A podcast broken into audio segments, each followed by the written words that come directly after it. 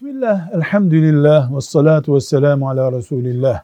Küçük bir grup olduklarını söyleyen genç kardeşlerimiz şöyle bir soru yöneltiyorlar. Diyorlar ki, herkes, her grup İslam için çalıştığını, hak olduğunu, ehli sünnet olduğunu söylüyor. Biz kime bu haktır, tamam bu ehli sünnettir diye yönelelim. Ya da belli kurallar var mıdır? Bunu tanımak için diyorlar. Cevap olarak diyoruz ki elbette vardır. Hangi grubu ele alacaksanız bakın İslamiyeti elif harfinden Y harfine kadar yani A'dan Z'ye kadar baştan sona mı alıyor? İslam'ın içinden bir bölüm seçip mi alıyor çalışma alanında?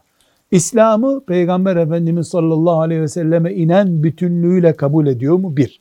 İki, sözlerinde, tavırlarında, planlamalarında Kur'an ve sünnet öncelikli mi? Yani Kur'an ve sünneti konuşuyor. Kur'an'da ayet, hadiste örnek varsa onun dışına taşmıyor. Böyle mi? Üç, müminlerin bütününü günahlarına rağmen, farklılıklarına rağmen kardeş görüyor ve kardeş uygulaması yapıyor mu? Yoksa kendi eksenindekileri mi sadece karşı kardeş olarak görüyor?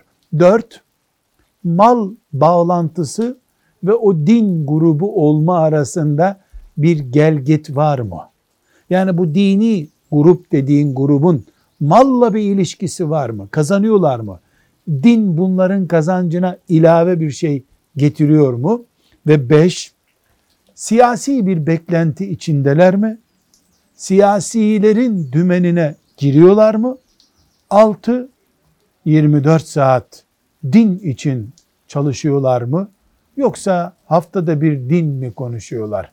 Bu ölçüleri ele aldığında ashab-ı kiramı taklit etmek, onların peşinden gitmek isteyenleri yakalayabilirsin.